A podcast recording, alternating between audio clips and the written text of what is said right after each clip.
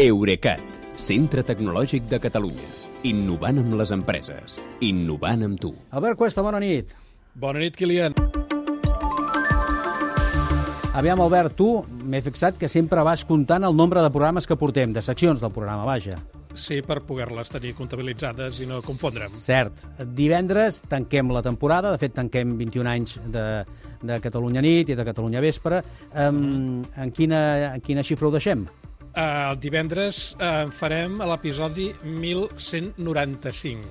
1195. Això vol dir que ens en faltaran mm, 5 pels, do, pels 1.200, Números però rodons. els, però els farem, per fer aquests números rodons, els farem, ja podem dir-ho, a, a la web i al podcast, encara que no els emetem per antena. Per tant, 1.200 en farem, eh?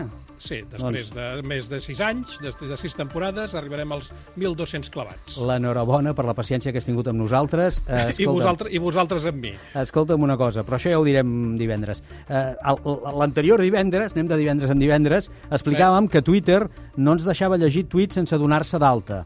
La cosa no va acabar aquí, perquè va empitjorar. Durant el cap de setmana les restriccions s'han fet encara més estrictes. Com està tot ara? Eh, tan estrictes que molta gent va considerar dissabte al matí que Twitter estava caigut i així ho van notificar a webs d'alerta com aquella, com el Down Detector. Sí.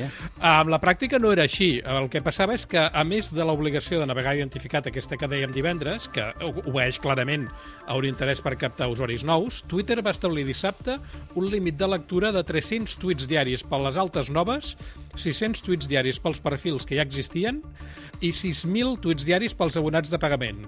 Uh, per sobre d'aquests llindars, els, si és que hi arribaven, uh, Mm. els usuaris veien un avís que els deia que havien superat la seva quota diària. Sí. Eh, entre dissabte i diumenge aquestes re- restriccions es van anar, diguem-ne, relaxant. Primer van pujar fins a 400, 800 i 8.000 tuits diaris i després es va arribar als 500 tuits pels nous usuaris, 1.000 tuits diaris pels uh, usuaris gratuïts i 10.000 tuits diaris pels abonats a Blue, que de fet són els nivells que hi ha vigents ara mateix, si més no. Tot això ho ha anat comunicant el mateix Elon Musk i eh, combinant-ho amb missatges sarcàstics dels seus, recordant a la gent que no rondinés tant perquè eh, consumir, fent-ho, rondinant, consumia tuits dels, dels que tenia permesos. Ja, ironia d'aquella una mica Sí. dubtosa. Eh, M'has explicat per què ho fa, això? Sí que ho ha fet, sí, perquè una, si una cosa és Musk és transparent. Uh, L'amo de Twitter assegura que l'objectiu és evitar una pràctica que es diu web scraping, en català gratar, que consisteix en usar intensivament una plataforma simulant que ets un humà, però amb la intenció de recopilar-ne el contingut, que en aquest cas seria el text del Twitter, dels tuits, o eh, l'anomenat graf social, que són les relacions entre els usuaris, és a dir, qui segueix qui. Uh, Musk uh, culpa d'aquest scrapping les empreses que pretenen fer servir el contingut de Twitter per entrenar els seus models d'intel·ligència artificial. I el que passa és que abans eh, empreses com aquestes accedien al contingut de Twitter mitjançant, allò- mitjançant allò que s'anomena API, però les tarifes que Musk va imposar tres fa tres mesos per fer servir aquestes API són tan altes que molts investigadors i aplicacions independents ja no se les poden permetre. Uh, I es veu que alguns uh, espavilats han optat per fer trampes per aquesta via, diguem-ne, indirecta.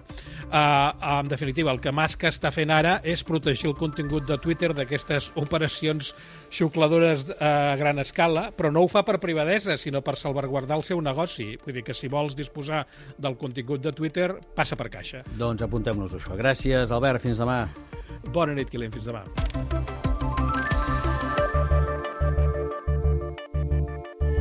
Eurecat, centre tecnològic de Catalunya. Innovant amb les empreses. Innovant amb tu.